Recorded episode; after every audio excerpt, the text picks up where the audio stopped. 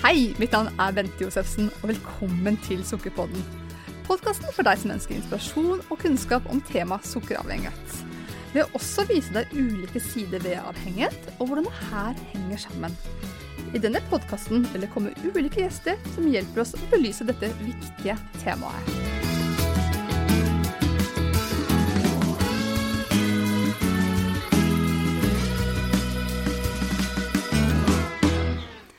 Med meg i dag så har jeg Lise Askvik, og dette har jeg gledet meg til, Lise. Ja, samme her, Bente. Tusen takk for invitasjonen. Og tusen takk for at du lager Sukkerpodden for en fin måte. Moderne og ikke sant, viktig å kunne snakke om hvordan sukkeravhengighet påvirker folks liv. Gjennom podkast. Et av de beste mediene som fins, spør du meg. Takk for det, Lise. Og da jeg startet denne podkasten, så laget jeg meg sånn liste over gjester jeg ønsket meg. Ja. Og der kom du faktisk liksom med en gang. ja, Så hyggelig. Takk skal du ha. Men det har nok litt å gjøre med at vi har kjent hverandre litt fra før av. Vi har det. Men jeg kan jo først liksom si noe sånn til gjestene henger med her, og så kan vi si litt, litt om vår relasjon.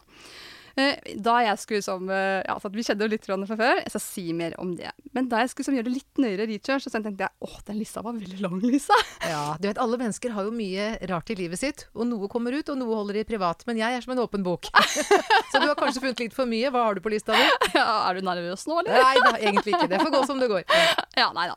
For de som eventuelt ikke kjenner Lise, det er nesten litt godt gjort, for du har jo vært mange steder. Men du har jobbet i Radio 1, du har jobbet i P4. Og der har du hatt litt forskjellige programmer, men bl.a.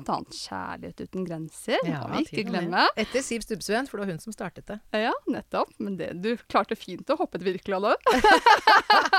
Ja, si det. Det får bli opp til lytterne. Ja, jeg syns det.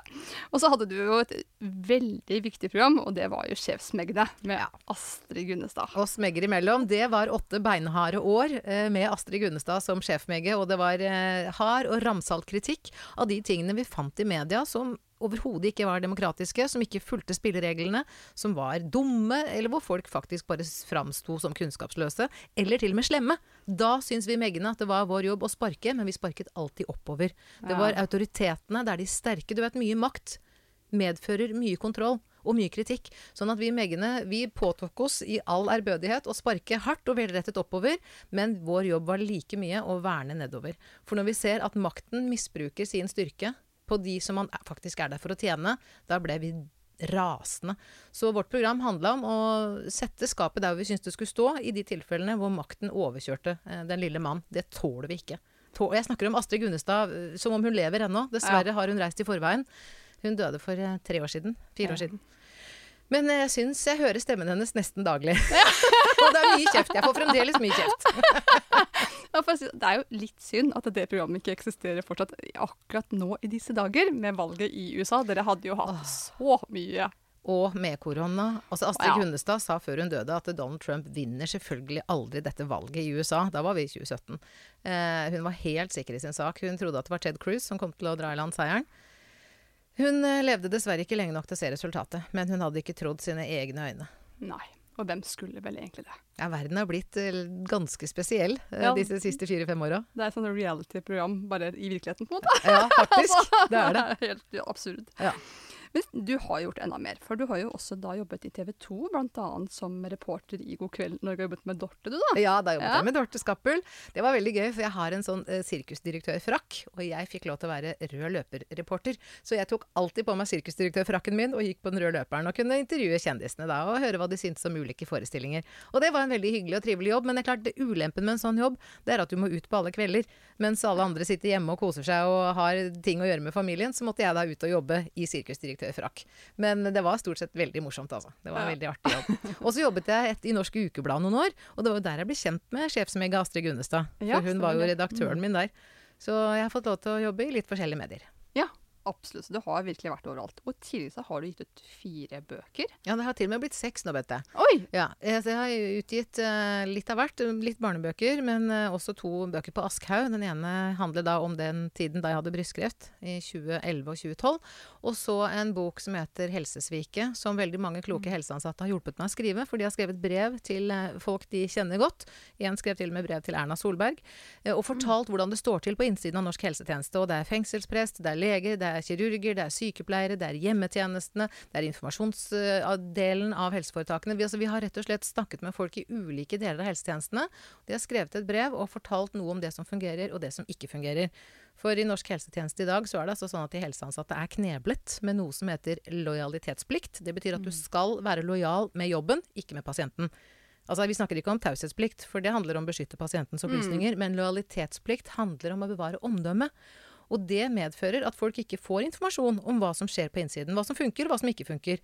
Men gjennom brevs form, gjennom denne boken i Helsesviket, så kunne i hvert fall disse 17 helseansatte fortelle hva som funket, og hva som ikke funker på innsiden. Og ingen av dem, jo, en av dem fikk faktisk sparken på jobben etter å ha vært med å skrive den boka. En som jobba på sykehjem.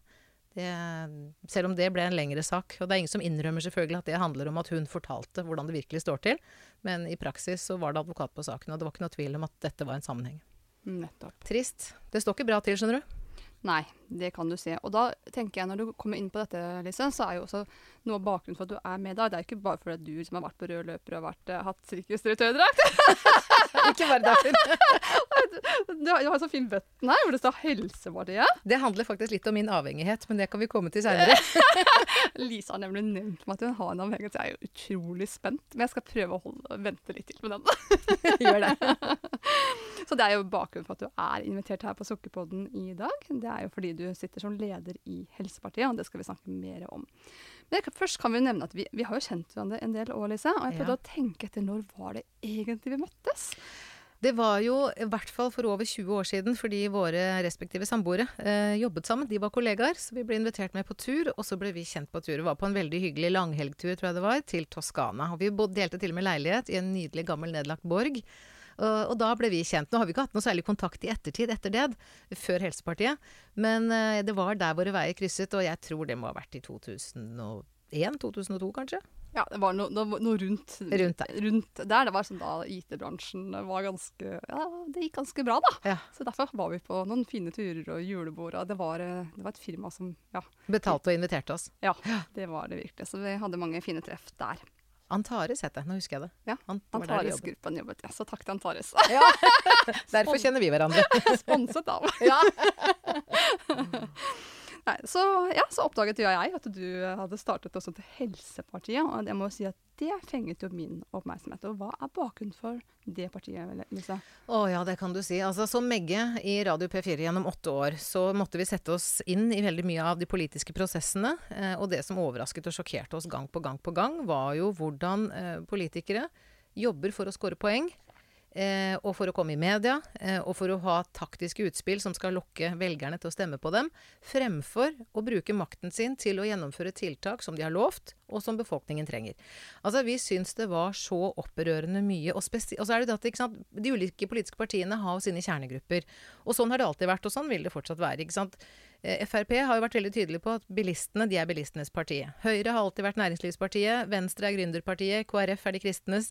Eh, la oss si Senterpartiet er bøndenes parti. Arbeiderpartiet var i hvert fall arbeidernes parti. Eh, SV har kanskje litt mer sånn allround sosial profil. og også Rødt, som da selv i programmet har at de er kommunister. Sånn at de, Hver parti har sine grupper. Men ingen av disse partiene Ingen parti som har sittet i de siste regjeringer eh, de siste to tiår, har hatt helse som sin viktigste sak. Og det til tross for at det årlige Helsebarometeret, som er en sånn undersøkelse som gjennomføres hvert eneste år eh, av nøytral instans, gang på gang så finner de at helse eh, er en av topp tre saker. Eh, og allikevel så er det ingen partier som har prioritert helse og sagt at det er den absolutt viktigste saken for oss. Så da jeg sjøl fikk kreft og opplevde hvordan manglene i helsetjenesten går utover enkeltmennesket. Ikke bare deg som pasient, men de ansatte, de pårørende. Mm. Så begynner man virkelig å lure. Kan jeg ta en liten historie? Ja, gjerne. For det er mulig vi er inne på samme sak nå. ja, for Grunnen til at jeg engasjerte meg, var jo at som kreftpasient så måtte man ta en blodprøve først for å se hvordan det sto til med blodet, om man kunne tåle en ny dose med cellegift. Og dette gikk jo greit å ta blodprøver. De stakk og tok det blodet de skulle, og så kunne jeg gå videre. Og så plutselig, eh, helt i begynnelsen av behandlingen, hadde bare tatt en to-tre prøver før, så blei det så vanskelig å få den nåla inn. Det lot seg liksom ikke gjøre å stikke nåla eh, og ta en helt vanlig blodprøve lenger. Og som kreftpasient så tenkte jo jeg oi, eh, har cellegiften ødelagt årene mine? Hva er det som har skjedd? Hvorfor har det blitt så vanskelig? Så jeg blir jo nervøs. Eh, og så sier jeg hva er det som har skjedd? Nei, nei, ikke, ikke bry deg, det går fint, sa hun dama og flakka med blikket og løp av gårde og henta en annen kollega. Og den andre kollegaen prøvde, og det gikk ikke bra. Og så kom det en tredje kollega. Og så går det en tre, fire, fem nåler, og, og til slutt så får de det til. Og det er jo veldig rart. Så jeg, og som journalist så gir man seg, og som Megge ikke minst, så gir man seg ikke når man først lurer på noe. Så jeg begynte jo å stille spørsmål, og fikk til slutt svar om at billigste anbud med nåler hadde vunnet. Så man hadde ikke lenger nåler som fungerte, men man hadde billige nåler. Som om det var en kvalitet man var ute etter.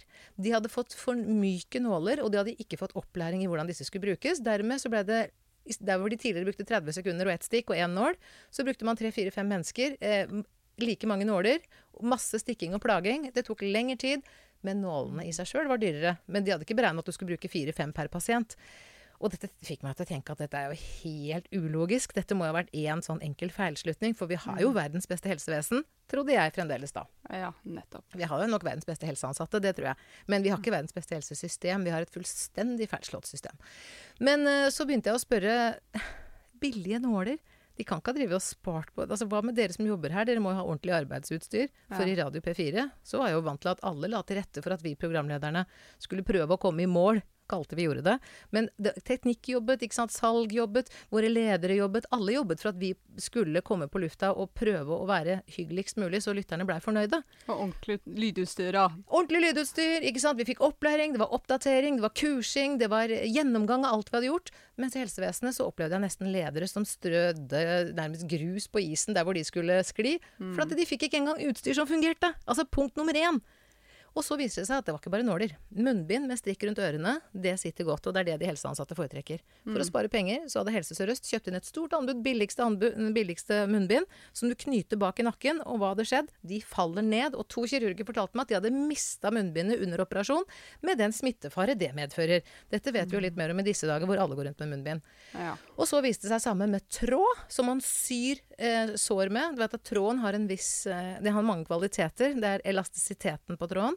Og så er det eh, det som jeg kaller resistance, altså motstand i tråden. Det er et par av de kvalitetene som en sånn tråd som du skal sy sår med, må ha. Billigste tråd sånn at to kirurger fortalte meg også at de hadde hatt pasienter som nesten hadde kommet løpende tilbake med tarmene hengende utenfor. Fordi tråden røyk. Oi, Og så et, et siste eksempel. Eh, de hadde selvfølgelig en del utgifter på sekretærer. Eh, Ja. Så de, an, de kjøpte da inn et sånt taleverktøy som gjorde at legen skulle bare kunne snakke inn et brev. Så skulle man sette det taleverktøyet fra seg, så skulle den skrive ut hele brevet. Og Det høres ut som en skjønn idé. Men nok en gang så hadde Helse Sør-Øst eh, gjort en stor feil.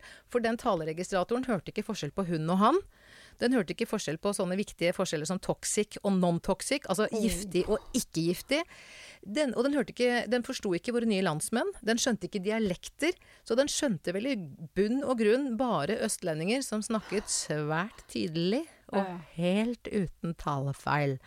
Altså, eh, dette viste meg at systemet var helt på ville veier. For når økonomi blir så grunnleggende, og hensynet til de ansatte, hensynet til pasientene blir så underordnet, i en sektor som har egentlig bare ett mål, nemlig å sørge for best mulig helse, raskest mulig, ja, vet du hva, da blei jeg helt forskrekka.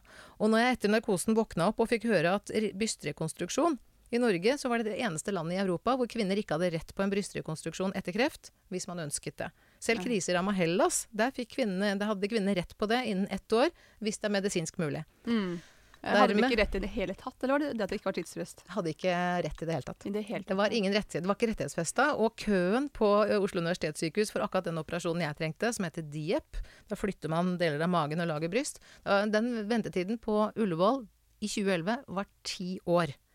Ti år. Ti år. Og, det, fordi de hadde bare tatt alle jentene ut av køen for å spare penger. De tenkte, og de hadde nedsatt et utvalg som skulle se på trenger kvinner egentlig to bryster. Eh, Har Gud bare feildesigna kroppen? Trenger den å være parallell? Nei, kvinner kan sikkert leve med en kropp som er asymmetrisk. Og noen kvinner kan det, absolutt. Det er ikke noe must å ha et bryst for alle kvinner. Men i, særlig for meg som hadde G-cup, jeg hadde sånne kjempemugger som jeg hadde arva etter oldemora mi. Hun hadde store pupper, hun. Ja, men, når du har så store pupper, og den ene forsvinner, så blir det veldig veldig skjev belastning på kroppen. For de gjør jo ikke noe da med den andre før du eventuelt rekonstrueres. Så jeg fikk jo ekstra utvekster, kalkbelegg på skjelettet, og så begynner huden å trekke seg skjevt, og så begynner muskulaturen å trekke seg skjevt. Så mange kvinner får store lidelser, også seksuelt. Det handler også om det, psyki sy det psykiske. Så akkurat dette her med å ha to pupper etter å ha fjerna en pupp i kreft, det er det mange kreft... Eh, brystkreftrammede kvinner som sleit med. Og det dette var den saken Brystkreftforeningen hadde mest trykk på. 12 000 medlemmer hadde de da, og dette var den saken flest mulig kvinner var opptatt av. Mm. Så da når jeg våknet og fikk høre at det var blitt ti års ventetid for dette hadde vi Meggene tatt opp på lufta skjønner du, et par år i forveien, lenge før jeg fikk kreft. Ja. At det var tre års ventetid. Mm -hmm. Men i mellomtiden hadde jo kvinnene bare blitt tatt ut av køen for å spare penger. Ja. Da blei jeg rasende. Og da var jeg nesten ikke ute av narkosen engang, altså. Jeg husker jeg sa 'det skal bli min kampsak', sa jeg. Og var altså så sint. Og Astrid Gunnestad var ikke noe mindre sint. Og nå var det plutselig ramma meg. Så det ga en viss troverdighet i den kampen som vi da gikk inn i. Definitivt. Og den kampen husker jeg veldig godt, Lise. Da var jeg stolt av å kjenne deg. Altså. Takk. bare, jeg kjenner Lise. det var litt både og, tro meg. Ja. Det, det, var også de leger som syntes at alle andre lidelser var viktigere enn brystkreft. Og det er klart, hvis du jobber med noe annet, så skjønner jeg godt at man har større fokus på noe annet. Eh, og det skal sant sies at brystkreft er ikke den verste kreftformen. Tvert imot så er det en, en kreftform hvor det brukes veldig mye midler til å hjelpe kvinner, takket være rosa sløyfe. Så brystkreft har en veldig god eh, prosentvis overlevelse. På over 90% lever jo etter fem år.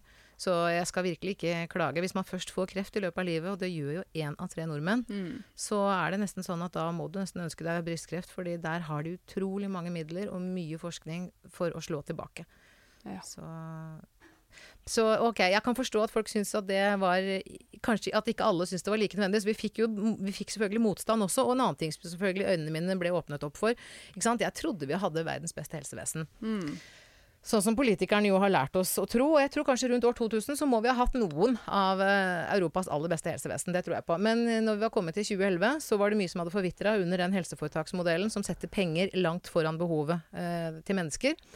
Og når vi har kommet så langt, så var vi der hvor, uh, hvor, økonomien satt så stor begrensning for hva som var riktig pleie. Det var på en måte mye viktigere å ta hensyn til økonomien enn til menneskene, og det ga seg utslag i små og store ting. Det var jo nåler og tråder og munnbind, og mm. kvinner skulle ikke bli rekonstruert og ingenting. Uh, men når vi nå gikk i gang med å ta denne kampen, så lærte jeg jo at det er jo så mange andre pasientgrupper mm. som også lider. For jeg trodde jo virkelig at brystkreftjentene var de eneste som falt utenfor systemet. Ja. Jeg trodde liksom at norsk helsevesen var en bolle, så var det ett lite hull, og det var brystkreftpasientene. Og så lærte jeg etter hvert at norsk helsevesen er som en sil. Den lekker i så mange bauger og kanter. Og norsk helsevesen er jo sammensatt av glimrende folk i avdelinger hvor det innimellom fungerer optimalt. Så jeg mm. må jo si at norsk helsevesen på sitt beste er jo verdensklasse. Absolutt. Men så har vi et helt spenn og så har vi den andre enden av norsk helsevesen, f.eks. eldreomsorgen og hjemmetjenesten, hvor det er så elendige forhold i en del kommuner at det er grovt ulovlig. Det er livsfarlig både for pasienter og ansatte. Og gjennom Helsepartiet så har vi jo blitt kjent med folk i hele spekteret. Og mm. norsk helsevesen spriker i alle bauger og kanter. Men det som er gjennomgående, er at økonomi slår menneskelige behov nesten hele veien. Ja, og det er jo helt forferdelig. Og jeg har lyst, Før vi går videre, så har jeg bare lyst til å si følge opp litt denne kampanjen du hadde. For jeg syns vi må få frem poenget skikkelig. Pupp til folket? Ja, ja, nettopp. Det er for de som ikke som husker den historien like godt som kanskje jeg gjør, da. For dere danna du og Astrid denne kampanjen, liksom. Pupp til folket. Og bare tittelen var jo litt den. Du, det var kortversjonen, for vi, prøvde, vi lagde ja. en gruppe på Facebook. Og da sa Astrid den gruppa skal hete 'Vi skal faen meg ikke akseptere at ikke kvinnfolk får pupp'! Noe sånt noe, sa Astrid. Kortversjonen. Ja, og så prøvde vi å lage den, da. Og Facebook aksepterer ikke banning, vet du. Men det vi lurte Facebook med, det var fanden meg. Så den Facebook-gruppa den endte opp med å hete 'Vi skal fanden meg ikke eh, leve uten bryst etter kreft. Noe sånt mm. noe. Så, men kortversjonen, det var pupp til folket. Men på Facebook så het den noe litt lenger. ja, nettopp det. Men det, det morsomme var at dere, dere kom jo i mål med denne kampanjen. Kan du si litt om de resultatene dere oppnådde? For da var du egentlig ikke politiker heller? Nei, absolutt ikke. Nei. Jeg um, var så heldig at jeg ble operert etter bare én uke etter at de opptok prøvene. Jeg fant ut at her var det kreft. Og det var fordi det var en dame som ikke kunne komme til Ahus. Og jeg bor veldig nære Ahus, så Ahus ringte meg og spurte er du i nærheten, kan du kaste deg rundt og komme hit.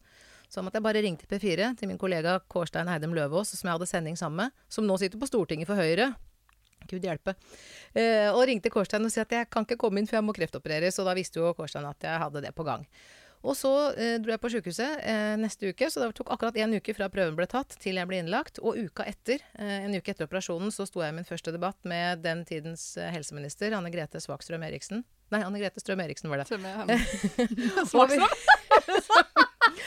Fordi hun hadde, for jeg fikk jo brystkreft akkurat til rosa sløyfe. Det var jo kjemperart i 2011.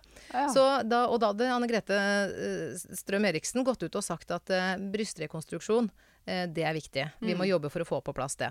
Men hun hadde ikke fulgt opp med når, eller hvordan, eller hvor mye penger, eller hvor mange De visste ikke engang hvor mange kvinner dette dreide seg om. Så det var liksom bare et sånt løst løfte om at eh, ja, brystrekonstruksjon, det må vi gjøre noe med. Og så kom Anne Grete på TV med det, og så trodde media på det, og så skjer det jo ingenting, med mindre noen tar tak i det. Så da tok jeg henne til eh, P4, og programlederen eh, for vårt aktualitetsmagasin 1730 tok denne debatten. Så jeg fikk møte ministeren eh, til å ta denne debatten. Og da hadde jo selvfølgelig Brystkreftforeningen og jeg knytta bånd i mellomtiden. I løpet av den uka fra jeg ble operert til jeg sto i studio med helseministeren, så hadde jeg full opplæring i historien, hvorfor vi ikke hadde hatt Hvorfor kvinner bare ble tatt ut av køen, hvordan det hadde vært tidligere, hvordan det sto til resten av Europa, omtrent hvor mange det kunne dreie seg om. Og da starta vi et skikkelig rabalder. Brystkreftforeningen hadde jo masse flotte kvinner som levde med et bryst. Eh, jeg var jo bare én, så jeg var jo bare en spydspiss, men vi var så mange som sto sammen. Og noe av det første vi gjorde Du vet at disse luringene som bare hadde tatt brystkreftkvinnene ut av køen, de hadde jo sagt at nei, vi skal nedsette en kommisjon som skal finne ut om man egentlig trenger to bryster. Og Om man trenger, ja. om man trenger. Ja, okay. Eh, og dette hadde de brukt to år på, og de hadde ikke engang begynt på arbeidet. Så dette var bare en sånn løs idé som de flakka rundt seg med, men som de ikke hadde gjort noe med. Så i løpet av én uke så kontakta vi 100 kvinner og sa vi vil gjerne ha din erfaring med hvordan det er for deg å leve med ett bryst. Gode erfaringer, dårlige erfaringer, nøytrale erfaringer. Skriv det som det er. Mm. Og etter én uke så hadde vi et dokument med 100 mennesker som vi kunne smekke og gi til politikerne. Her har du utredningen. Finn ut av hva som står der. Og der sto det selvfølgelig at 70-80 hadde store belastninger av å leve med ett bryst, og at de ønsket seg mer enn noe annet rekonstruksjon. Så da var det egentlig bare å gå i gang på alle mulige måter og legge et voldsomt press på politikerne til å bevilge penger til denne saken som vi brant så for. Og media var veldig behjelpelige. Vi brukte masse Facebook, og så begynte vi å legge ut bilder ut av arrene våre. Ja. Og vet du hva Facebook gjorde da? Ja, da var Nei, det var så stygt. Ja, det var så stygt, så vi måtte sensurere det. Og da ble sjef Mega Astrid Gunnestad rasende. Dette er medisinske bilder. Vi kan ikke, altså, det har jo ikke noe med seksualitet å gjøre. Hvis ikke vi har lov til å vise oss som vi er, da må jo politikerne se hvor viktig dette er. Vi er så stygge at vi blir til og med sensurert av Facebook, så vi lagde helv... Prikk, prikk, prikk, prikk. Og etter ett døgn så snudde Facebook. De sa unnskyld, unnskyld, unnskyld, her er bildene. Så vi fikk alt tilbake igjen. Så vi fikk lov til å fortsette kampanjen vår på Facebook. Men eh, det skal jeg si at det å få Facebook i kne, det var jo ikke så lett. Men å få norsk helsevesen i kne, det var enda vanskeligere. Men vi klarte det. Jeg tror det. Men hadde ikke dere også en kampanje foran Stortinget? Jo, Ja. det var min idé. Jeg fikk en sånn idé om at hvis vi skulle realitetsorientere eh, politikerne, og selvfølgelig få media på det, for at det, hjertet eh, For å komme fram til politikerne må du gå via media. Det er veldig, veldig synd, men det er sånn det fungerer. For at direkte kommunikasjon, det bare pss, De tar ikke noe hensyn. Nei. Men det de tar hensyn til, er det media følger. Korona, se på korona i dag. Alle andre pasienter blir skjøvet ut i kulden så lenge koronapasientene får hjelp. Og jeg er helt enig at de trenger det, men vi har liksom 300 000 pasienter nå som bare har blitt skjøvet ut i kulda. Det er 70 000 operasjoner som har blitt utsatt fordi vi må jo ha kapasitet til koronapasientene. Så, 70 000. 70, så, de, så de følger så innmari Altså, politikerne følger medias fokus. Mm. Sånn at jeg visste at hvis vi blottet våre bryster utenfor Stortinget, så visste jeg at media kom til å møte opp i hopetall. Som journalist så kjenner man jo litt lusa på gangen. Eh, ja. Og da hadde jeg vært journalist i 15 år. Så jeg snakket med mine modigste, tappreste venninner og spurte orker dere Orker dere å vise fram. Og det var så mange som sa dette blir jeg med på, for dette er viktig. Så vi sto foran eh, Stortinget, eh, og dette var i mars. Og eh, jeg ble intervjuet på TV 2 eh, på direkten, og så kom signalet, og jeg hadde en liten appell jeg skulle lese. Og akkurat idet jeg skulle dra meg, så kom det store TV 2-kameraet og dytta meg over ende. Så jeg tumla ned på bakken og fikk så vidt Mens alle de andre gjorde det de skulle, selvfølgelig. Men jeg lå på bakken og kava. eh, Med, jeg, jeg hadde vel puppen innafor, tror jeg. Men, men jeg hadde jo appellen min, og jeg holdt jo fast i mikrofonen, så jeg fikk så vidt lest den appellen da, som jeg hadde. Det var bare fire-fem linjer.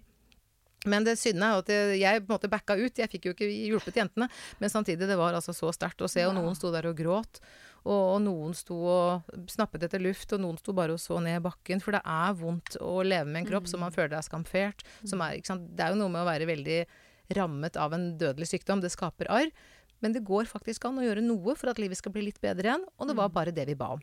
Vi ba bare om det alle andre kvinner i hele Europa hadde, nemlig retten til rekonstruksjon. Så akkurat de bildene fra den kampanjen, det, de ble, det ble mange. Og det ble mye mediemas, holdt jeg på å si. Mye mediekjør, heldigvis. Og det gjorde nok inntrykk på politikerne, for det tok ikke så veldig lang tid. Så kom 150 millioner kroner på bordet, øremerket brystrekonstruksjon i Norge. Så kvinnene kom ikke rett inn i køen igjen. Men vi fikk en avtale hvor det sto at kvinnene skal bli rekonstruert på kveldstid og i helger, sånn at vi ikke kommer i veien for andre pasienter som trenger plastisk kirurgi. For du vet, barn med leppe-ganespalte trenger plastisk kirurgi. Mm. Transseksuelle som skal skifte kjønn, de trenger eh, plastisk kirurgi. Og brannskadepasienter trenger plastisk kirurgi. Og vi ønsket ikke å fortrenge dem, til tross for at vi var blitt, bare blitt tatt ut av køen. Så de hadde jo kommet lenger foran i køen fordi vi ble fjerna. Men vi fikk en avtale på at vi skulle gjøre det i helgene. Og det ble etterlevd i nesten alle landets sykehus, men jeg veit at det var trøbbel på Haukeland sykehus. For der var det noen som påsto at brystkreftpasientene ble prioritert foran leppe-ganespalte-barn, og det var ikke avtalen. Så hvordan den stedlige ledelsen krølla det til, det kan godt være, men det var ikke vårt ansvar. Nettopp. Nei, klart. Så, og så fikk vi rettigheter. Eh, Ett år, innen, eh, ett år innen sykdom så skal du ha rett på rekonstruksjon. Så da fikk vi rettighetsfesta det. Fantastisk. Vi fikk pengene, og så fikk vi ni nye stillinger til plastiske kirurger i Norge. Som da kom alle pasientgruppene til gode som trenger plastisk kirurgi. For det var så innmari liten kapasitet i Norge før. Men ni nye stillingshjemler fikk vi slåss fram. Så den saken blei jo krona med, med belønning, og det var takket være alle kvinnene som sto sammen, og Brystkreftforeningen. Og litt meg. Så vi var en Litt- litt hel gjeng. Lisa. Jo, ja, men det var skikkelig lagarbeid. Det er klart. Og det får et engasjement. Altså, hvor kommer dette engasjementet fra? Altså, Dårlige gener, da. Og et utrivelig temperament. Meggegenet. Ja, meggegenet. Det kommer godt med, vet du. Nei, men vet du, jeg, ja jo, men det er klart det å kjenne Astrid Gunnestad og være under hennes vinger Hun ble jo en gudmor for meg. Eh, en åndsmor. Eh, du? Det er jo noe med at når man begynner å se uretten, og vi gjorde det så jevnlig, og vi holdt jo på med dette her i åtte år? Når du begynner virkelig å se uretten, og du ser prosessene, du ser hvor skittent det foregår, så blir du rasende, og da kan du ikke la anledningen gå fra deg. Jeg hadde jo kontaktene i media. Jeg hadde brystkreft sjæl. Jeg kjente det jo på kroppen. Eh, jeg var ikke noe redd for å utlevere meg. Det ble jeg forresten advart mot. Det var flere som kontakta meg og sa du må jo aldri gå ut i media og si at du har kreft. Du kommer aldri til å få en jobb resten av ditt liv. Det er ingen som vil ha et Ja. Kreftoffer. Sånn, offer, ja. sånn var Ja. verden i 2011. Tenk deg så mye som har skjedd etter det. Det, det er bare ni år siden. Det er bare ni år siden. Det er jo helt utrolig. Nei, det er mange som har offentlig kreft nå, heldigvis. Og det er, eh, jeg tror veldig mange får styrke av å kunne dele det, og ikke måtte bære liksom det som en hemmelighet i tillegg. For da får du bare ekstra byrde. Det er ille nok å være sjuk. Nettopp det. Og det er jo ikke en selvpåført sykdom man skal skamme seg over heller. Nei, det veit man kanskje ikke nok om, men så vidt vi veit, så er det vel ikke det. Det er mulig at det har noe med inntak av karbohydrater og sukker Ja da, det er klart. Altså. Det, men det, dekker, det, er- jo da en lang, langsom konsekvens i så fall. Ja, det er helt riktig. Ja, Og det er er ingen som eh, Nei. Og folk spurte meg hvorfor har fått kreft, og jeg sa at det, det vet vel ikke egentlig forskeren engang, så jeg veit ikke om jeg har gjort noe gærent. Og hvis jeg har gjort noe gærent, så veit jeg ikke hva gærent jeg har gjort, men eh, jeg tror folk flest prøver å leve som best de kan, Mm. og uten å få kreft. det er ingen som vil ha det.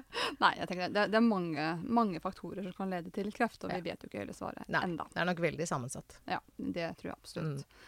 Men det jeg snakker eh, rundt omkring om Helsepartiet, for jeg syns jo det her er så viktig, det arbeidet dere gjør, så er det så mange som spør meg om i all verden, bare fokus på helse? Mhm. kan ikke du si litt om det? Liksom? Nei, Det er en litt morsom reaksjon, for det er bare helse.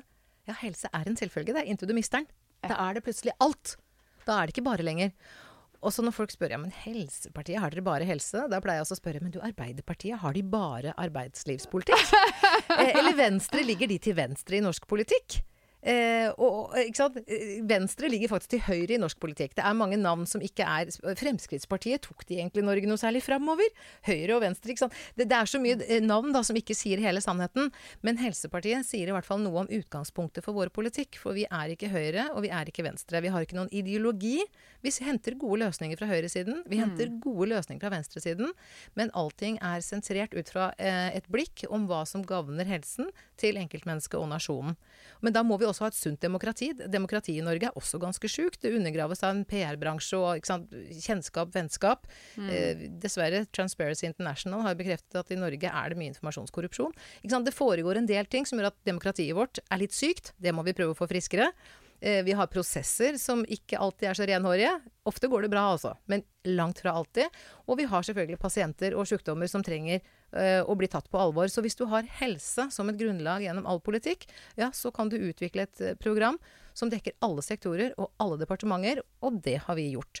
Så vårt uh, stortingsprogram for 2021 til 2025, det dekker nå absolutt alt. Uh, arbeidsliv, det er skole, det er helse, det er miljø, det er nei til vindkraft, det er uh, oljepolitikk. Altså vi har absolutt all politikk som alle andre partier har.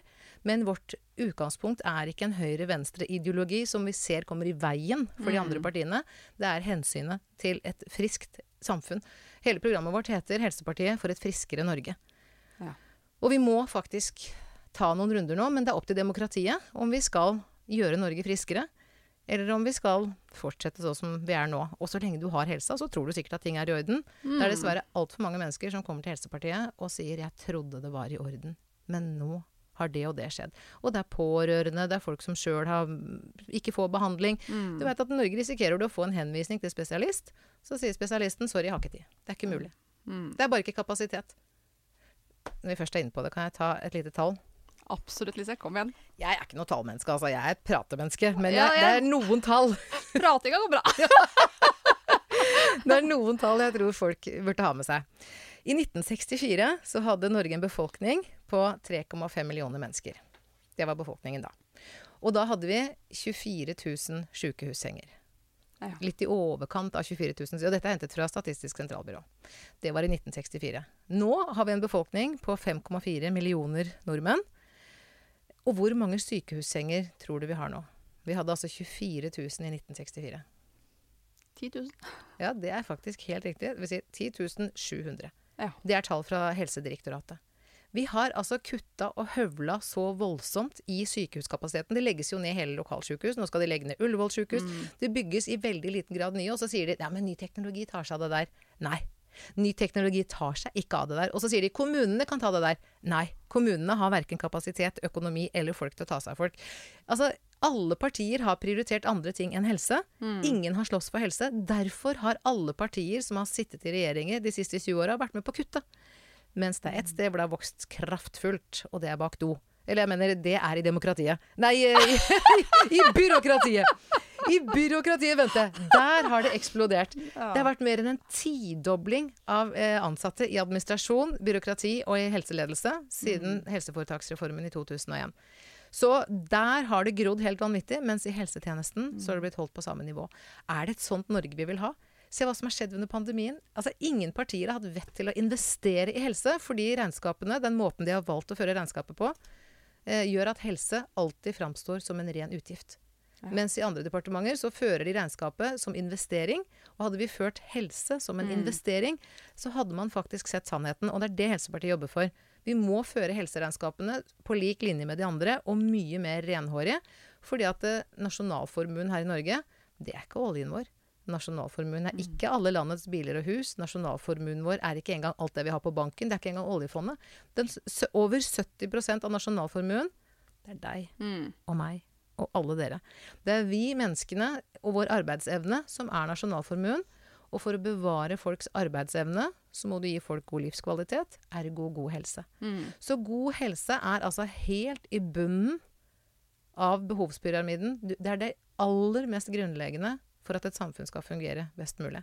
Det er det beste for enkeltmennesket, det er det beste for pårørende, det er det beste for arbeidslivet, det er det beste for samfunnslivet, og det er det beste for økonomien. Ja. Så helse er en investering. Ikke som dagens politikere ynder å si, at helse er et umettelig sluk. Det er en stor fordreining. Mm. Så, Absolutt. men det er opp til velgerne å gi vår politikk kraft. Mm. fordi at eh, vi kan alltid skape et parti. Og det har vi jo gjort gjennom fire år, og vi er et nasjonalt parti. Vi er i hele Norge. Eh, men et parti er akkurat som en hammer. Eh, legger du det på bordet og ingen bruker det, så er det verdiløst. Mm. Men hvis noen tar opp den hammeren og begynner å spikre, så kan du snekre både hus og slott. Absolutt. Så vi har verktøyet, men det er demokratiet som må gi oss kraft. Og dere var jo tidlig ute også og snakke om dette med pandemi og viktigheten av å ha beredskap for det. Kan ikke du si litt om det? Lisa? Ja, ja det er jammen sant. Eh, I fjor, i 2019, på våren, så hadde vi vårt tredje eller fjerde landsmøte. Og det landsmøtet het 'Helse er beredskap', og 'beredskap er helse'. Den første resolusjonen vi behandlet, den handlet om helseberedskap, og det første ordet vi nevnte i rekken av ulykker, var pandemi. Ja. Og det var ikke helt tilfeldig. Altså Verdens helseorganisasjon gikk også ut i fjor eh, og sa at pandemi er den mest rammende den mest alvorlige og den mest sannsynlige eh, samfunnskatastrofen som kan ramme. Altså Verdens, helseorganisasjon visste jo det, at pandemier rammer de eh, hele kloden med tre til fire ganger i hvert århundre. Det er den gjennomsnittlige hyppigheten på en pandemi. Tre til fire ganger? Tre til fire ganger. Dette har, og da har vi hatt store og mindre pandemier. ikke sant? Spanskesyken i 1919, det var en veldig stor pandemi. Den tok over 40 millioner liv. Det var en enorm lidelse. Men den kom rett etter første verdenskrig. Da var folk utmatta, det var lite mat. ikke sant? Så da traff den en veldig sårbar befolkning. Så har vi hatt pandemier. SARS var også en pandemi, men den ble ikke så stor. Nei. De klarte å få den under kontroll. Sånn at eh, når Verdens helseorganisasjon gikk ut med den advarselen, så hadde norske regjeringen fått beskjed om å kjøpe inn smittevernutstyr. Mm. Eh, samtidig så har vi et direktorat som heter Direktoratet for samfunnsberedskap og eh, sikkerhet. Samfunnssikkerhet. De sa det samme. Pandemi er den største og mest alvorlige tingen som kan treffe vårt samfunn nå, så skaff smittevernutstyr. Og hva gjorde norske helsemyndigheter? De gjorde som de gjerne gjør, de sparte penger og kjøpte ikke smittevernutstyr. Derfor, når pandemien traff, så var det ikke smittevernutstyr å få tak i i Norge i nærheten av det vi skulle hatt. Vi hadde en bitte liten brøkdel av det vi hadde behøvd. Og det var av sparehensyn. Ikke sant? Hvis du tar inn munnbind, og de blir liggende på lager, ja, så må du kaste dem etter en viss tid. Det samme med sånne smittevernfrakker, samme med gummihansker. De blir sprø. Det er kanskje en utgift, men gud bedre, når det slår til, så hadde det vært en investering. Og advarslene hadde vært tydelige fra Helsepartiet, fra Verdens helseorganisasjon, fra direktoratet. Sånn at det, det finnes jo folk som er på ballen, men når de styrende, altså når demokratiet syns at Høyre og Arbeiderpartiet, de to store styringssystemene, styringspartiene, når de på en måte gir dem kraft, så har de gitt dem carte blanche til å gjøre som de vil. Og de kutter i helse. Det har de gjort de siste 20 åra, så det kommer ingen investering i helse med mindre demokratiet gir et push til å prioritere helse. Fordi helse er en investering Ja. i oss alle. Fordi det er den viktigste investeringen i oss alle. Og fordi det er det som kan redde økonomien vår på sikt. Særlig nå som oljepengene forsvinner på sikt. Så, eh, men det handler om hvordan har det politiske Norge tenkt hittil, og hvordan skal vi fortsette å tenke. Og jeg hadde jo ikke noe lyst til å starte et politisk parti. Det var ikke min idé, Bente. Nei, det virker som du ikke er egna det i det hele tatt. Liksom. Nei, men, nei, men ikke sant? Jeg er jo ikke noen politiker. Jeg er bare ei Megge som er ordentlig forbanna over all den uretten jeg ser eh, blir begått. Og jeg var partistifter, men det var overhodet ikke meningen at jeg skulle være partileder. Men jeg måtte ta første skiftet. Men det, tro meg, det gror i mine fotspor, og det kommer mye bedre folk bak meg. Eh, og Helsepartiet stiller til valg i 2021, og vi kommer til å komme inn på Stortinget. Det er min store tro, og vi har med oss masse helsefolk. Vi har med oss masse pårørende. Vi har med oss pasienter, og vi har med oss folk som ser hva som er i ferd med å skje. Så jeg tror at vi, dette skal nok gå bra, men det å starte et politisk parti er jo galskap. Eh, Jeg måtte jo, ikke sant, jeg jobba i P4. Jeg hadde, altså, I P4 tjente vi gode penger. Jeg hadde nesten en million i årslønn. Ja. Eh, jeg jobba ikke veldig mye. Eh, jeg hadde en framtid og en karriere, og alt det måtte jeg bare kaste over bord når jeg skulle lage et politisk parti. Men belønning kommer i andre former. Sant? Det vi gjør nå, det er å gi demokratiet et verktøy og en mulighet til å få helse prioritert mye høyere. Og uten et parti som sier at helse er det viktigste, så kommer ingen av de andre partiene til å løfte helsefanene. Noen er litt småinteressert, men når det kommer til stykket, så prioriterer de ikke helse. Da prioriterer de andre ting, fordi de har andre kjerneområder de er mest opptatt av. Det har vi sett gjennom de siste 20 åra. Så hvis demokratiet ønsker at helse skal prioriteres høyere, altså må de kjøre på med denne spydspissen. Og Helsepartiet kommer selvfølgelig ikke til å ende regjering de første ti minuttene. Kanskje om 30 år, liksom. Men Ja. det skjer ikke. Men hvis vi får noen inn på Stortinget, så får du en helt ny talerstol, for da er Mm. media interessert. Sukkerpodden er jo på ballen, vet du. Dere inviterer ja, ja, Helsepartiet. ja, absolutt. Men det er altfor få som inviterer oss. Tenk det, Bente. Altfor få. For at vi, vi merker jo det at når vi eh, har noe på hjertet, og når vi sender ut kronikker, når vi sender ut pressemeldinger, så er mediene ikke interessert. Fordi vi er for små. Fordi vi ikke er et parti som sitter på Stortinget. Eh, og fordi Medie-Norge, som journalist så vet jeg dette her, Medie-Norge er sånn at de, bevar, de store blir eh, dyrket, så de blir sterkere. De får, altså Se Høyre Arbeiderpartiet får jo så mye medieplass all over the Altså finnes jo ikke en Dagsnytt 18-sending uten noen av dem er med. Og de andre eh, stortingspartiene får også en god del oppmerksomhet. Så Medie-Norge styrker de sterke, men de svekker også de svake. Nye stemmer i demokratiet blir i veldig liten grad løftet fram. De blir avskrevet som ekstremister og blir avskrevet som tullefolk. Og ja, jeg er ei tullehøne, men jeg er ikke bare ei tullehøne Nei. mener jeg i all beskjedenhet. Sånn at eh, hvis demokratiet kan løfte Helsepartiet opp, så får vi en helt annen eh, trykk på eh, Vi får en helt annen seriøsitet rundt vår politikk. Og det programmet vi nå utarbeider, mener jeg er så stødig og så godt og så dekkende og så helsefremmende på en avbalansert måte at det tror jeg faktisk at den som har lest vårt program, skal nok ha vanskelig for å si nei til, å ha, til å stemme Helsepartiet. Ja, og jeg har lest, og det kan jeg bare underskrive på. Det er faktisk, Du har jo til og med hjulpet oss med Ja. en politikk som er kanskje altfor Jeg tror kanskje Helsepartiet er det eneste partiet som har gått helt konkret inn i avhengighetspolitikk. Mm. Vet du om det er noen andre partier som har gått inn i det? Har jeg ikke klart å få tak i, nei. nei. Ikke jeg heller. Mm. Og den gruppen er jo så mange. Enormt mange. Så da dere spurte om jeg kunne skrive denne resolusjonen for avhengighetspolitikk for Norge, syns jeg det var fantastisk, Lise. Det ble en veldig god resolusjon, og vi jobba jo frem og tilbake. Og vi brukte litt tid for å få den ordentlig ut på nettet også, faktisk. Det beklager jeg, det var min skyld. Men nå ligger den i hvert fall på helsepartiet.no, Ja. eh, og den er kjempeviktig. For jammen må jeg si at jeg har lært mye om avhengighet gjennom deg, for det har absolutt vært noe jeg kunne veldig lite om. Mhm. Så det tar tak i det syns jeg er jo helt fantastisk. For jeg tenker at eh, Dere snakker om helse ikke sant? og et friskere Norge. Og der, da ser vi på en måte på samme kort og samme intensjon, tenker jeg. Og det er jo så vanvittig mange mennesker i samfunnet i dag som lider av livsstilsrelaterte sykdommer. Som, og mange mener at 70% av de som kommer inn på et legekontor, kommer pga. livsstilsrelaterte sykdommer. 70% Ja, mange hevder det. Og da kan man lure på hva kommer disse livsstilssykdommene av? Hvorfor er det så mange som blir rammet av det i dag? Og er, det er jo der vi i Frisk uten sukker kommer inn i bildet. At en del av disse har du som følge av en avhengighet. Og er maktesløse uten rett hjelp. Og der er det også en, tenker jeg, en stor svikt også i behandlingsapparatet. Fordi at det første så er det mange som står lenge og venter på behandling for ulike avhengigheter. Og så behandles de som i båser. da. Er- Har du avhengighet av alkohol, så er det det du behandles for. Hvis du da sier at ja, men jeg sliter også med spill, eller med sukker, eller eh, eh, trening og Det, altså, alkohol og røyk hører jo sammen. Ja, ikke sant? Det er jo mange Ja, som er avhengig av begge to. Jeg har sett for all avhengighet henger egentlig sammen. Man kan ha ulike uttrykk eller utløp for det her. Men man behandles bare kun for én ting om gangen. Så jeg tenker at det, det burde vært behandlet som en hel, den helheten det faktisk er. Hmm. Ja. Så der eh, Men, men i og med at det er såpass store mangler i helsevesenet på dette der, handler det om kunnskap? Altså Har vi for dårlig utdannelse innenfor det? Begynner det der, liksom? Ja, jeg tenker jo det absolutt. Eh, kunnskap er definitivt viktig, og det er jo der eh, det kommer også at jeg skriver en bok som kommer på Gyldendal i januar. Og jeg ikke bare skriver om sukkeravhengighet, men også avhengighet generelt. Så Ja. hvordan det her faktisk henger sammen. Hva skal boka hete? Eh, det er litt diskusjoner frem og tilbake, men jeg tror det ender med at den heter 'Frisk uten sukker' med en undertittel. Ja. eh, ja. Så det, det landes eh, hvert øyeblikk som helst. Flott. Så da, jeg håper jo at den skal sparke i gang noen debatter, da. Ja. Ja. Ja, lykke til, jenta mi. Når jeg skrev, når jeg skrev 'Helsesviket', så trodde jeg at det også skulle skape noen debatter. Ja. Men det var øredøvende stille. Ja. Men jeg skal hjelpe deg å øh, løfte opp boka.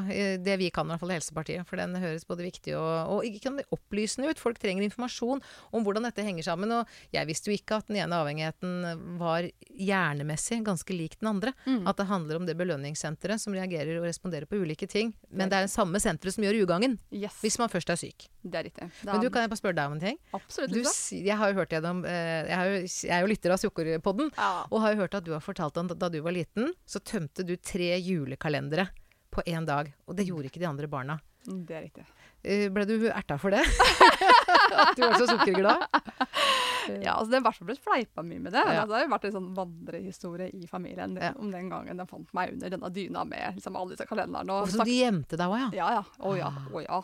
Men ble du sjuk? Eh, vet du, jeg, jeg er litt usikker, for det er altså jeg var jo ikke så stor. så jeg, Det er ikke blitt en del av historien i hvert fall. Men, men jeg, jeg hadde jo en annen episode der jeg var også var barn, og jeg var på besøk hos min oldemor, og hun hadde laget hjemmelaga kakao med krem. Og jeg, jeg var jo da den som drakk til det kom opp igjen. Ja. Og så tenker jeg at eh, på et eller annet tidspunkt der må jeg ha merket at jeg var uvel. Ja. Altså uvel, ja. Jeg er kvalm og uvel, så Men allikevel så fortsatte du å drikke? Ja. Tenk så, det. så det var jo de første Men hadde du, har du søsken? Jeg har søsken. Men de var ikke så glad i sukker? Eh, I hvert fall ikke da. Nei. ikke, ikke så tidlig? så skal jeg ikke uttale meg for mye om dem. Nei. Jeg får heller invitere dem, kanskje. hvis Ja, de tør å ja, komme. ja, ikke sant? Dele barndomsminner. Men det bare en ting til jeg lurer på. Altså, de tre julekalenderne, var alle de dine? Nei, nei, nei. Så du stjal julekalendere? Ja, ja, ja. ja. Råtass? Så jeg husker min mor da hun eh, Altså, dette var jo tre sånne julekalender. Det er 24 biter i hver. Og Ja. jeg var kanskje typ fire år, vil jeg tro. Ja. Og det blir, altså Du kan jo gange 24 ganger 3. Det er jo noen biter, og jeg var ikke så stor. Men det jeg husker resultatet av det her var da at min mor måtte da fylle disse på nytt igjen, da. Måtte hun lage sjokolade sjøl, eller? Eh, Nei, også, nei, det var det da. Hun hadde, hadde jo ikke sjokolade, så jeg tror det var sånn type engelsk konfekt eller noe. ja, ja. Og så liksom putta det, og så klistra igjen, da. Så fikk vi 72 biter. Nå har jeg, nå har jeg regna ferdig. Du var jo ikke så god i tall. Nei. Det tok litt tid. Men, eh, men du, du brøt deg ikke inn en gang til da? Når mammaen hadde reparert kalenderne? Nei. Nei, det- sier i hvert fall ikke historien. Dette har jeg nemlig gått og lurt på. Takk. Det er fint du spør, Lise. Man spør hvis man skal bli noe klokere. Og det er jo klart at det er jo det mange som med sukkeravhengighet også kan fortelle om tilsvarende episoder. ikke sant? At Mm. de har vært og snoka i skuffer, og da vi var barn så var det mer vanlig strø sukker og sukkerbiter. Man har ikke det så mye Og brunost. Og brunost, absolutt. Og ja, nei, det er eh, mye. Og mange spiser jo rett fra fryseren. altså. Går og henter en frossen kringle i fryseren og spiser. Oi. Altså, ja. Så det kan få noe spenstig utslag. Ja. Det, det kan det. Så ja. Hm. Nei, Skal du spørre om min avhengighet nå, eller? Ja! Jeg syns vi hadde en fin overgang her nå. ja, for du sa før vi startet da, at du også hadde, hadde funnet en avhengighet. Da Ja. var jeg jo nysgjerrig. For at jeg, altså, jeg, periodevis så kan jeg være litt sjokoladespiser, men det holder med én eller to biter, faktisk. Så jeg tror nok ikke at jeg er sånn supersukkeravhengig. Men det jeg tror kanskje at jeg er avhengig av, det er, sånn, det er en prosess. Mm. Eh, For i perioder så pleier jeg å si at jeg er manisk kreativ. Ja. For jeg lager ting. ja. Og når jeg begynner å lage ting, Bente, Oi, oi, oi. så tar bare mannen min og trekker pusten og sier 'here we go'. For eh, det er sånn denne buttonsen her, altså det her står det Helsepartiet. Eh, når jeg finner en ny hobby, å lage ting, da lager ikke jeg to eller ti. Eh, denne har jeg laget 8000 av nå. Eh, og jeg driver og lager armbånd, som det står Helsepartiet på. Og da lager ikke jeg to eller ti armbånd. Nå tror jeg jeg har lagd 750 armbånd. Og eh, jeg driver og syr munnbind. Helsepartiet-munnbind. Og jeg har ikke sydd to. Jeg har sydd eh, Nå tror jeg vi nærmer oss 450 munnbind. Så jeg masseproduserer, og jeg er jo en maskin. Og jeg syns det er så gøy. Jeg får sånn kreativt kick. Jeg elsker det. Og dette sier mora mi, at hun har akkurat det samme. Hun er også sydame. Ja. Men vi er altså så eh, prosessuelt belønna, da. ja. Sånn at jeg går jo helt av hektene. Jeg har ikke lyst til å sove. Når jeg begynner å sy eller lage buttons eller Og så har jeg begynt å male òg, da. Akkurat nå. Jeg har gått på malekurs, og det er så gøy. Det er så gøy. Og jeg er ikke noe flink. Men det er det jeg har lært på det kurset, at du kan bare kladde og lage fine farger. Og så plutselig så ser du at jøss, det ligner på en hund. Og da kan du prøve å male fram en hund. Og på den måten så klarer til og med jeg å male litt, og det er så gøy. Men jeg kjenner jo at det belønningssenteret er i ferd med å løpe løpsk. Er det en avhengighet? Nå er jeg spent. Nå er det spent. Ja. Jeg kan selvfølgelig ikke stille diagnosen her og nå, men det er jo noe mønster her, da. Mm. Det er det jo. Og det, å- som, det å bli liksom, altså, Hvis du opplever at du er besatt, da. Jeg vil ikke si besatt, men meget inspirert, vil jeg Meget nok si. men, men klarer du å stoppe? Ja da, ja, Ja. da, det gjør jeg. Ja da, og jeg sover også. Så det er ikke det. Men eh, nei, ja, og jeg må til og med disiplinere meg og gjøre alt Helsepartiarbeidet, så jeg kan jo ikke drive med alt disse kreative syslene, for det er fryktelig mye arbeid å drive et politisk parti på nasjonalt nivå. Men jeg kjenner at jeg lengter tilbake til malerkosten eller til buttonsmaskinen eller til symaskinen.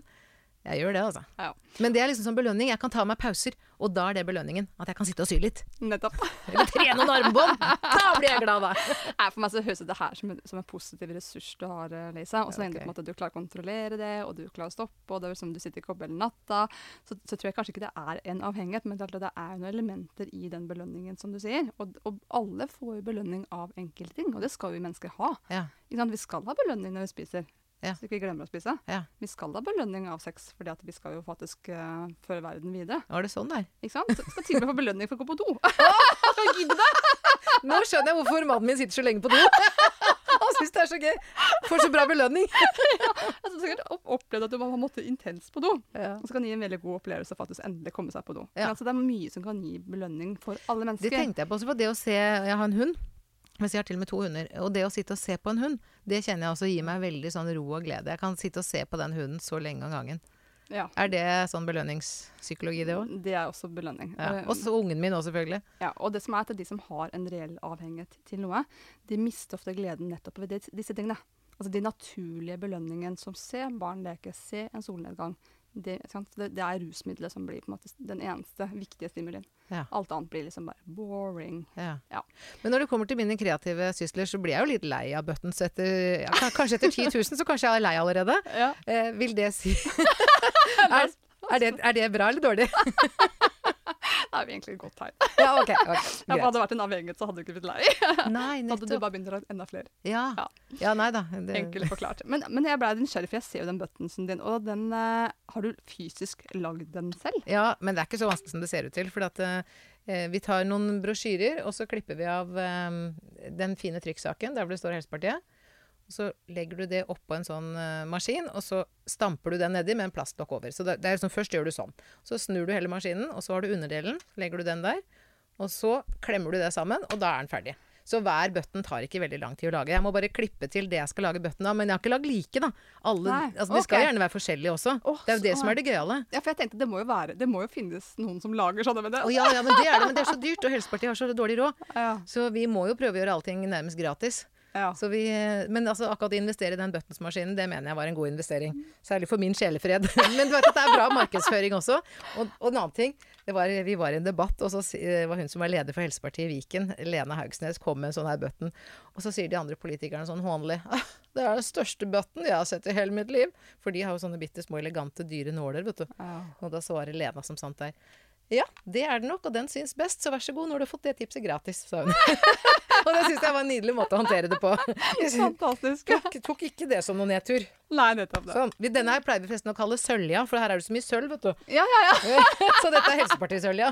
Helsesølv, ja. Nydelig. Nei, men dette var veldig inspirerende, Lise. Jeg, jeg tror Har du lyst til å lage buttons du òg, nå? eller? er det det du mente? Nei, jeg mente samtalen. Oh, ja, okay. Nei, jeg har ikke sånne geder. Nei, det er ikke det du Strikker du ikke heller? Vet du hva, det har jeg. Jeg har jo hatt noen perioder i livet, men Mm. jeg må innrømme at der er jeg litt sånn on-off. Eh, Det er gøy perioder, og så er jeg helt av. Ja, men det gjelder jo meg også. Og det er jo litt sånn med mine For jeg hadde en periode med selbuvotter. Jeg tror det ble 42 par, men da var jeg ferdig. Da var jeg lei. Ja, nei, altså, jeg ble lei litt før 42. Ja, ok. Mm. Ja, men jeg, hadde, jeg hadde et rush for tre år siden, tror jeg. og Da strikka jeg tre gensere, men så, så var jeg ferdig. Ja, men flott. Ja, Så det, det skjer jo noe av og til. Bra. Ja, så det. Nei, men Du nevnte jo ditt forhold til, eh, til sukker, Lise. At du, du kan stoppe i tide. Ja, det tror jeg nok. Ja, nettopp. Jeg blir fort lei. Eller altså, det blir fort nok, liksom. Men det, det jeg vet, er at dere i Helsepartiet har jo ikke bare løftet frem avhengighetspolitikk, men også ernæring. Ja. Har jo dere laget en resolusjon på. Kan ikke du Ja. bare si litt om den? Ja, altså det er, Helse er jo veldig mye, eh, og mat må vi alle ha. Så jeg må si det var en veldig stor glede og en styrkelse for Helsepartiet da Erik Hekseberg tok kontakt og begynte å fortelle hva hans virke er. Erik Hekseberg og hans fru Sofie Hekseberg, som jeg har hørt på Sukkerpodden, Mm. har utrolig mye kunnskap om dette her, som riktignok ikke følger de normale eh, rådene fra eh, direktoratet. Nå var jeg i en debatt med direktoratet for bare noen måneder siden. Eh, og det er ganske interessant å høre at direktoratet har altså veiledning som er 20 år gammel. Den er ikke oppdatert forskning. Den har ikke satt seg inn i det vi nå faktisk vet. Og den opplyser overhodet ikke befolkningen om hva som faktisk er sunt og usunt. Så da Erik Hekseberg tok kontakt med oss, så måtte vi gå inn i materialet og lese oss opp og snakke selvfølgelig med mange flere kilder også. Og bildet er ganske entydig at det vi trenger i Norge er ikke direktoratets smale veiledning. Det vi trenger er individuelt tilpassede løsninger. Fordi din kropp, dine gener, din fysikk, din historie, din dagsform, dine hormoner, din alder, ditt kjønn påvirker hvilken ernæring som er bra for deg. Og det kan være noe ganske annet enn din bror. Ikke sant? Folk er så forskjellige, og det er så viktig at vi tar hensyn til det. Du vet at i 1700-fjaksen, eller om det var på 60-tallet, da cellegiften kom, så hadde man én type cellegift. For den tok kreft. Ja. Det var ikke sånn. Nei. Den tok riktignok noen typer kreft, men for veldig mange andre typer kreft så fungerte den ikke. Så etter hvert så begynte man å si at å ja, hvis vi lager en cellegift sånn, så kan det funke bedre for den pasientgruppa. Og så begynte man å skjønne at oi, vi må spesialtilpasse for alle mulige typer kreft. Og nå vet man jo at brystkreft, som vi kaller én diagnose, består av i hvert fall 44 ulike former brystkreft. Ja. Så bare innen brystkreft så burde man jo kanskje ha spesialtilpasset 44 typer cellegift. Mm. Dette eh, eksempelet forteller noe om hvor viktig det er å tilpasse behandlingen etter den eller de du skal behandle. Og det er jo ikke noe ulikt når det kommer til mat, som hver og en av oss er nødt til å ha som drivverk til vår kropp hver eneste dag. Den må innrettes individuelt, og vi har forskning som understøtter dette her, og vi vet at Direktoratets kostholdsråd i mange tilfeller er direkte helseskadelig. Mm. Og Derfor så har Erik Hekseberg nå ganske nylig skrevet en kronikk eh, som var på i NRK Ytring på NRK. Ja, Kanskje logisk at det er NRK når det heter NRK Ytring. Godt poeng, Lisa! Hvor han sier at eh, myndighetene faktisk påfører en god del mennesker sykdom. Fordi kostholdsrådene til direktoratet ikke nødvendigvis er så innmari oppdaterte. De er direkte usunne for en del mennesker. Så det at Helsepartiet har grepet fatt i den delen av eh, politikken, det tror jeg er helt avgjørende. For det er ingen andre politiske partier som har tatt tak i dette her, og som er villige til å se at løsningen er mye mer individuell, og at det finnes råd utenfor det direktoratet hardnakket har presset på. Nå kommer det nye råd, altså det skal sies. Det kommer nye ernæringsråd, så endelig har direktoratet fått ut fingeren, men det går ikke an å holde på i 20 år. Vi har så mye ny forskning, og i tillegg så vet vi jo at direktoratets politikk, det kjenner jo vi som ser bak fasaden, og som har jobba med dette lenge, at det er så mye lobbyvirksomhet. Det er sterke interessegrupper som ønsker å selge ja, poteter, melk, eh, kjøtt og fisk, som styrer kostholdsrådene. Og de viser selvfølgelig til den forskningen som sier at dette er sunt. Ja. Altså, må ha det, bare må ha det. Nei, jeg må ikke ha melk. Tvert imot så har livet jeg har blitt kvitt både eksem og det ene med det andre. Helt sikker på at det er noen som har godt av melk. Jeg har det ikke. Nei. Vi må ha en individuelt tilpasset kostholdsrådgivning, og det må vi ha egne leger som driver med. Det driver Erik Hekseberg med, blant annet. Inntil han kommer til å bli valgt inn som stortingsrepresentant. Da får han ikke vært lege lenger, så hvis du er pasient, gled deg mens du har den. Ja. Før du veit ordet av det, så kommer politikken og sluker den. Ja, og vi samarbeider jo med Erik og Sofie Hekseberg, og har veldig godt hell med det. Ja, det Ja. dyktige. dyktig. Veldig dyktig. Absolutt. Men det er mange andre i Norge som er dyktige også på dette her. Det er liksom ikke bare de to. Vi har etter hvert et ganske stort og voksende miljø eh, av helsefagfolk helsefagfolk som innser at ernæring er grunnsteinen i eh, folks eh, helse, og at vi er nødt til å leve med en ganske annen rådgivning enn det som er gjeldende juss fra direktoratet i dag. De tar selvfølgelig ikke feil i alt, men det er veldig mye av det de har som er utdatert, gammelt og direkte feil. Mm, Og det må vi kritisere. definitivt. Absolutt. Og det er jo mange pasientgrupper også som kunne hatt nytte av litt eh, råd. F.eks. kreftpasienter så får beskjed om å gjøre det samme som du pleier å gjøre, og uten å sjekke ut hva er det da. Ja. Ja. Det fikk jeg beskjed om òg. Ja. Bare spis som du pleier, du. For det første så var jo halsen min når jeg gikk på cellegift, så kjentes det ut som halsen var lagd av bark. Så hver gang jeg svelga, så bare knuste jeg all barken nedover i halsen. Så jeg klarte ikke å drikke vann og ingenting. Jeg var helt Og hver gang jeg trakk pusten, så trodde jeg liksom at jeg skulle kaste opp. Så jeg ble så utrolig glad når jeg kunne puste ut, for da skulle jeg ikke kaste opp. Ja. Så begynte jeg å grue meg til å trekke pusten ut, for da var jeg helt sikker på at nå kom jeg til å kaste opp.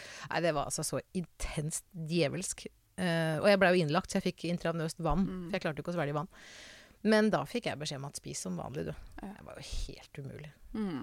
Var, eh, Nei, vet du hva. Nei, det er, eh, det er veldig trist at veldig mange kreftpasienter får beskjed om å spise som før. Særlig når vi vet hva både karbohydrater og inntak av oksygen ute i naturen Altså man burde faktisk eh, kunne iverksette en ganske mye mer virksom kreftbehandling. Og tenk deg cellegift, den cellegiften jeg gikk på. Det har man sånn i ettertid dokumentert at den hjelper omtrent på 33% av pasientene. Altså jeg har alt som er av seinvirkninger, minus én ting. Jeg har ikke fatigue.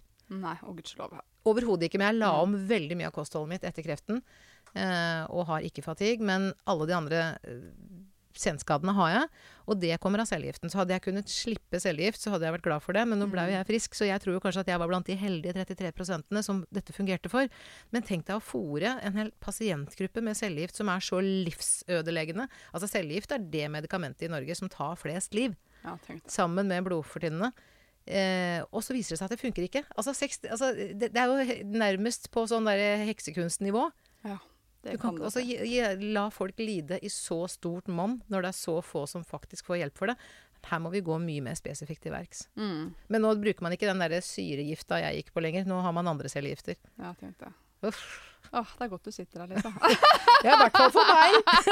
Men jeg tror en del politiske opponenter nok hadde helst sett at den cellegifta ikke funka så godt. Slipper du den bølla. Ja, rett og slett slippe den bølla. Hei, Jonas.